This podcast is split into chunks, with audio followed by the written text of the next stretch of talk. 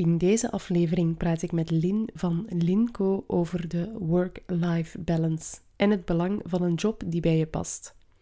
Het is eigenlijk het vervolg van ons gesprek. Uh, het eerste deel hiervan kan je beluisteren in de vorige aflevering over werken als mama op de huidige arbeidsmarkt. Welkom in de reeks Moeiteloos met van de Blijf Gloeien podcast. Ik ben Elise en in deze reeks ga ik in gesprek met andere experts over onder andere stress en moeiteloosheid. We bekijken hoe moeiteloosheid dan wel stress en impact kunnen hebben op ons leven en we gaan op zoek naar manieren waarop jij meer tijd, rust en energie kan vinden. Vandaag ga ik in gesprek met Lin van Linco. Toen ik u voor de eerste keer de vraag stelde, van ja, wat gaat moeiteloos voor u, dan gaf je mij ook mee dat er iets was dat niet moeiteloos ging voor u. En dat was dat ja. altijd die werk-privé-balans goed ja. zitten. Ja, ehm, ja, ik, weet dat ik, ja, ik weet dat ik daar advies over geef naar die mama's toe. Ehm, maar dat wil niet zeggen dat dat voor mij dus moeiteloos gaat. Absoluut niet. Hè. Uh, ja, dat is een weegschaal, in balans blijven. Minstens dat er iets verandert, ga je daar terug aan moeten werken. Denk maar aan um, de kinderen gaan bijvoorbeeld nu naar school of um, je krijgt um, een nieuwe opportuniteit op het werk waardoor dat je ja, een hogere functie krijgt. Je moet veel meer gaan bijleren. Um, dus dat, dat is dan weer in het werk dat er wat bij komt. Ja, het gaat altijd wel een beetje uit balans worden getrokken. Je gaat dan weer een tijd goed zitten, dan verandert er iets, dan moet je terug weer gaan aanpassen. Dus ja, voor mij is, is werk-privé-balans ook niet altijd evident om, om die goed te hebben zitten. Maar ik heb wel geleerd om bepaalde zaken los te laten. Niet mm. alles hoeft perfect te gaan. En niet alles moet per se volgens uw planning lopen. Soms loopt dat iets anders en dat kan helemaal geen kwaad. En het is gemakkelijker om het gewoon ja, een beetje los te laten en te aanvaarden, dan weer energie te gaan steken in van, maar hoe kan ik dat terug in mijn puzzel schrijven en hoe gaat dat terug in mijn planning geraken? Dat is lastiger. Je kunt beter kijken, van oké, er is een nieuwe situatie. Um, hoe gaan wij ons kunnen aanpassen naar die nieuwe mhm. situatie, dan de situatie ja, terug te laten passen in uw puzzel. Ja, klopt. Ik herken dat zelf ook heel sterk. Want werk-privébalans is iets waar ik ook mensen mee wil mhm. helpen. En ook iets waar ik zelf ja, soms enorm mee struggle. Want het, het lijkt zo van, ah ja, je hebt zoveel werkuren en zoveel uren thuis. En dan, dan is het dat. En dan is het klaar. Hm. Maar dat is niet, inderdaad. Je leven is een hele tijd in verandering. Die, die balans die verschuift ook een hele tijd. Soms is het mm veel belangrijker om meer aanwezig te zijn op het werk. En soms is het veel belangrijker om meer aanwezig te zijn thuis je hebt niet altijd de keuze wat wanneer komt. En soms komen die twee dingen tegelijkertijd en dan zie je het helemaal niet meer hoe dat het dan moet. Klopt. Uh, dus ik herken dat wel, zo van het, het steeds... Ik, ik vind daar ook een voorbeeld. Uh, ik werk nu zeven, zeven jaar, denk ik, in IT. In de mhm. IT-sector is helemaal doordrenkt van het agile uh, gegeven. Dat je als HR waarschijnlijk consultant al wel eens bent tegengekomen. Ja. Maar waar dat de kern ook wel zit in, we leven in zo'n veranderende wereld. Als er plannen zijn en er komt iets nieuw, ja, dan moeten we die plannen aanpassen. En niet de wereld proberen te passen in die plannen. Dus dat, dat concept, denk ik, dat mij ook mhm. heel veel gebracht heeft. En dat is inderdaad hetzelfde als wat jij zegt. Je, soms moet je dan gewoon even een stap terug doen. Zeggen van, oké, okay, we hadden hier van alles gepland, maar het gaat zo niet werken. We gooien dit ja, in de vuilbak. We beginnen gewoon opnieuw en we maken, we maken wel terug die planning. We gaan wel terug onze mhm. puzzel opnieuw maken, maar het is niet meer krampachtig proberen te passen in wat dat je al, al, al had gelegd. Voilà, dat is dat. Absoluut. Ik denk dat je echt zoveel dingen zegt die herkenbaar zijn voor zoveel mensen en mama's vooral. Ik hoop het, ik hoop het. ik herken me er alvast heel fel in. En ik heb, ik heb soortgelijke gesprekken zeker ook al gehad met vriendinnen van mij. Dus ah, voilà. ja, eh, ik herken zo. Dat, dat speelt, ja. Ja, ja, ja. Er is nog iets dat, dat volgens mij werk- en privébalans gemakkelijker maakt. Of dat is toch zo bij mij. Dat is mhm. als je een job doet die echt bij je past. Uh, het gaat een beetje gezegd van ja, het op zoek gaan naar wie ben ik ja. Wat, wat past daar dan bij? los van de vraag, stel dat je nu wel een beeld hebt van wie dat je bent, mhm. hoe matcht je dat dan met een job? Is dat echt puur vanuit je achtergrond en je kennis van HR dat je dan kunt zeggen, ah, maar er bestaan zo'n soort jobs en die hebben deze namen en je kunt daarop zoeken? Of, of hoe... Ja, eh, ik ben sowieso een, een HR-persoon die heel veel op buikgevoel doet. Dus recrutering is bij mij ook heel veel op buikgevoel. En, en die loopbaanbegeleiding gaat ook veel op buikgevoel. Natuurlijk wel aangelinkt met in met een HR-achtergrond. Ehm, ik, ik, ken ook niet alle jobs. Er zijn bepaalde testen dat je ook kan doen. Um, zo kan je iets meer gaan, gaan trechteren. Hè, want er hebt ook mama's die zeggen, ah ja, ik heb hier bijvoorbeeld twintig dingen die mij interesseren. Ja, dat ga ik nooit in één functie kunnen krijgen. Dus dan gaan we beginnen trechteren van, oké, maar wat is nu het belangrijkste voor u? En waarom is dat juist belangrijk dat dat erin zit? Je hebt heel veel die dat zeggen, ik wil sociaal contact. Oké, maar dat sociaal contact, vinden dat belangrijk dat dat in je job zit of dat dat in je privé zit? En moet dat hmm. persoonlijk contact zijn? Mag dat per mail zijn? Um, ja, dat we echt meer gaan beginnen doorvragen en doorgronden. En dat gecombineerd met bijvoorbeeld um, een sectortest. Zo'n sectortest, um, dat staat gewoon online ergens weet niet meer van buiten waar. Um, maar dan kunnen ze met een bepaald aantal vragen gaan zien van oké, waar kom ik nu uit? Ga ik meer in de, in de marketingsector terechtkomen of, of wil ik toch liever in de financiële wereld? Dat zijn nu twee totale tegenlopende mhm. sectoren uiteraard. Maar daar kunnen we dan al meer gaan trechteren en uiteindelijk gaan we dan wel op ja, drie, vier functies uitkomen um, waar ze mee verder kunnen. En dan ga ik inderdaad zeggen van oké, bezoek die site eens of zoek eens op die trefwoorden. Wat vind je belangrijk? Weet het echt niet. Ga eens kijken in uw regio. Want dat is meestal bij mama's een hele belangrijke. ik wil niet te ver van thuis uitwerken. Oké, Zwier de VDAB hopen, zet een filter op je gemeente met vijf mm. kilometer daar rond. En zie eens wat er allemaal in je gemeente is. En daar mm. doen we ook wel inspiratie over. Ah, dat is interessant. Oké, dan gaan we kijken. Wat is de inhoud van die job? Um, wat zijn de competenties dat ze vragen? En wat halen wij daar nu uit, wat wij al gezien hebben um, in het loopbaantraject dat je aan het volgen zijn? Ja. Dus echt zo die, die diepere lagen gaan ontdekken en dieper gaan kijken. Want het is niet... Allee, ik denk dat dat zo vaak de problemen zijn. Enerzijds mhm. het, weet ik wel wie dat ik ben, wat dat vaak volgens mij het antwoord al nee is, zeker voordat ze dan bij de coaching komen. En anderzijds, ja, ik weet misschien wel een beetje wie of wat ik ben, maar hoe past je daar in godsnaam in een functietitel? Ja, ja, ja, Maar pas op, en het is ook niet, dat is misschien een beetje misbegrepen, dat loopbaanbegeleiding wil niet zeggen dat je dat komt volgen, dat je per se van job wilt veranderen. Ik heb ook mama's dat bijvoorbeeld naar mij komen en zeggen, oké, okay, waar meestal is mijn werk-privé-balans zit niet zo goed, maar ik heb ook een leidinggevende functie en ik voel me er eigenlijk niet meer goed in, hoewel dat ik wel weet dat ik goed ben in die job. En dan gaan we kijken, mm. oké, maar waarom voelt u niet goed? En dat kan soms zijn dat dat gaat over um, communicatieproblemen uh, en dat ze daar tips in nodig hebben van hoe moet ik mijn team gaan aansturen. En uiteindelijk, als dat traject gedaan is, hebben die een zelfvertrouwen teruggevonden. Die weten weer van, oké, dat is de reden waarom ik goed was in die job. En die blijven dat ook doen, want we hebben dat dan aangepakt. Die communicatie is versterkt in dat team. En die groeien daar op die manier en die blijven hun functie doen.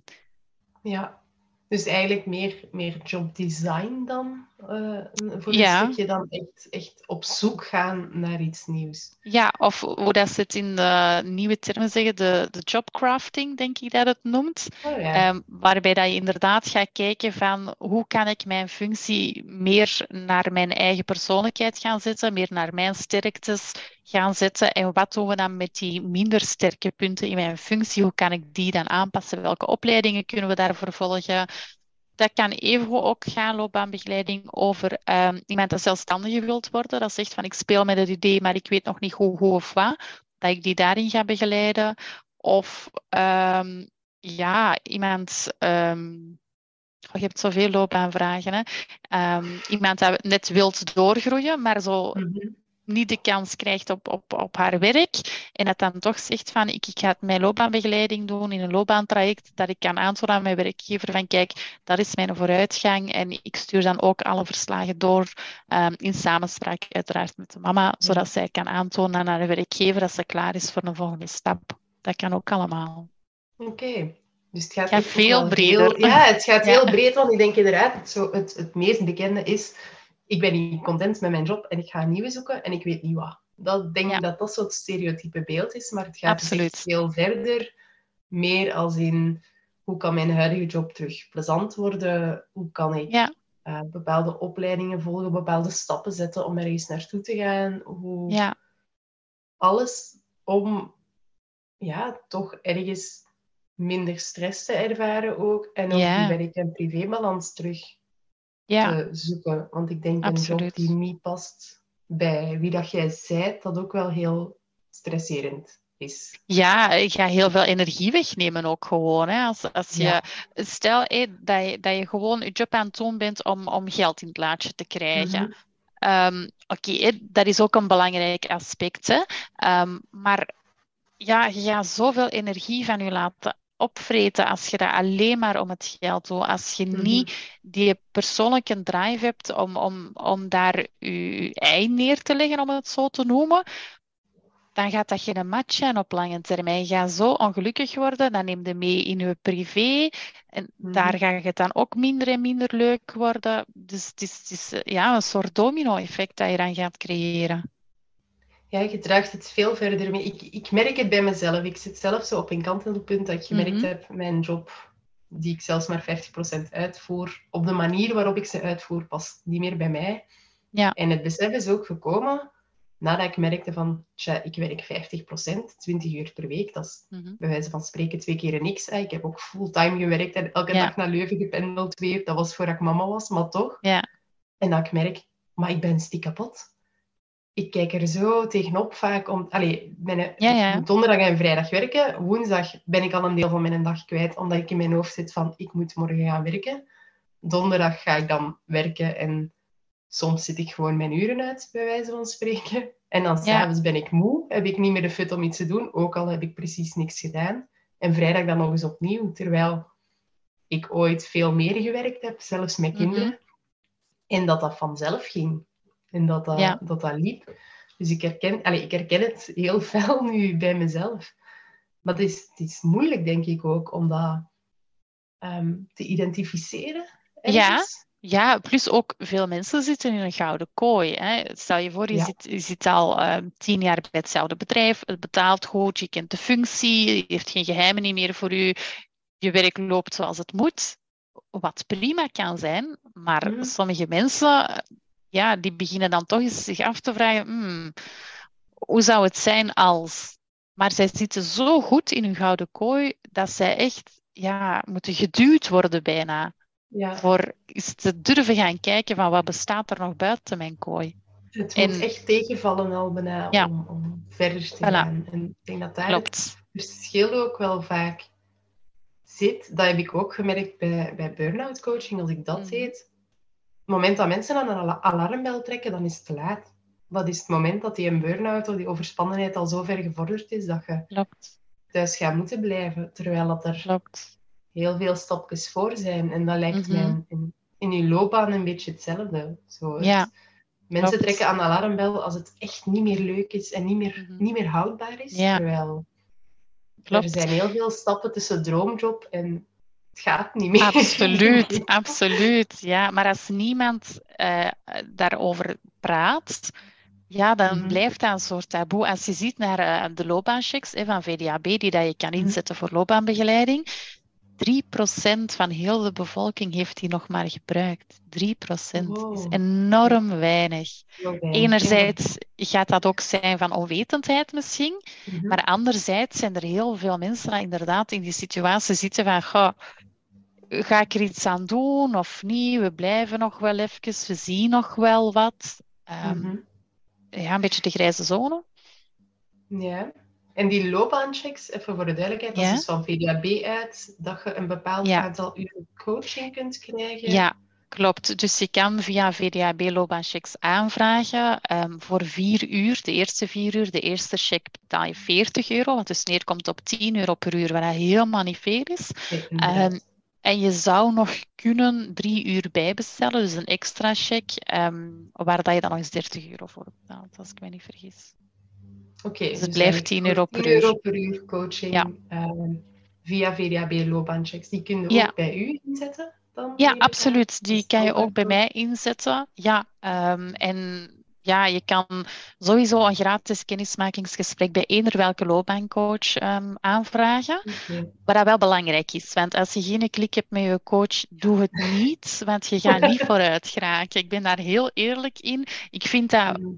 ook langs mijn kant een kennismakingsgesprek een must, omdat ik ook die klik wil voelen met die persoon die in uh, traject stapt ik wil ook weten, ben ik de juiste coach? Want soms krijg ik ook telefoon en dan voel je van, ze zijn eigenlijk nog niet coachklaar. Hè? Mensen die inderdaad richting burn-out uh, gaan of, of die daar al in zitten, die zijn niet direct coachklaar. Ga je naar een coach, wil dat zeggen dat je echt actie gaat ondernemen, je kijkt naar het heden, naar de toekomst.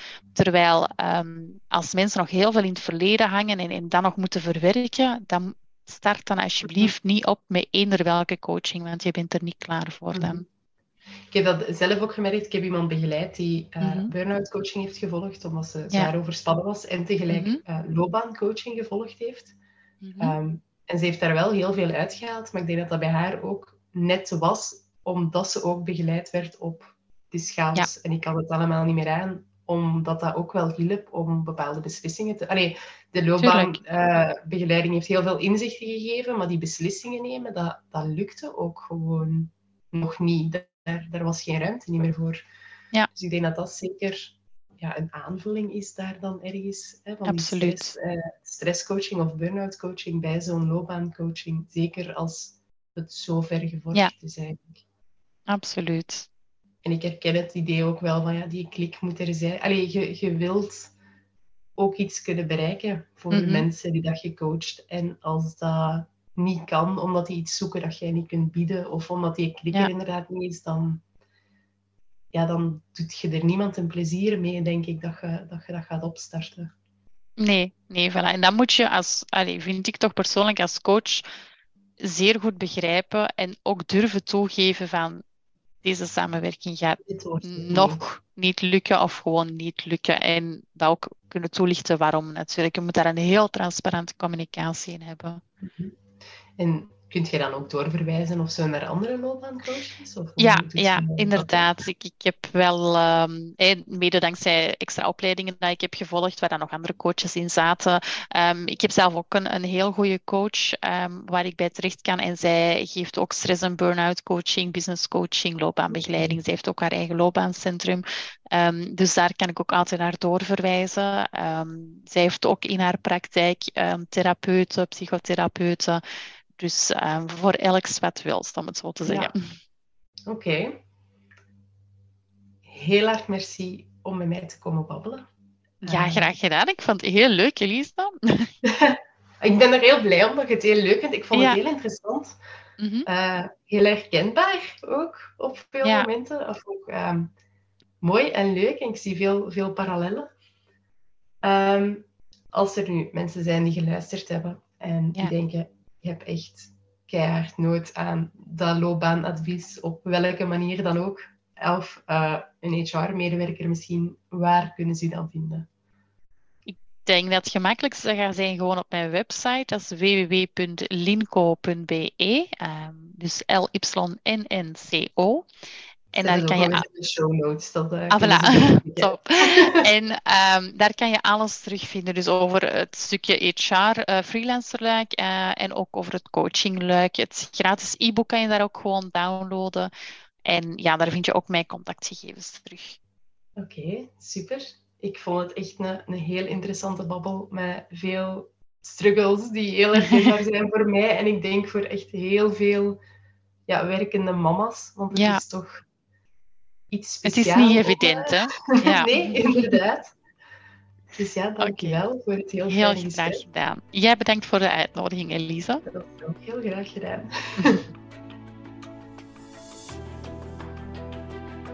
Bedankt voor het luisteren van deze aflevering.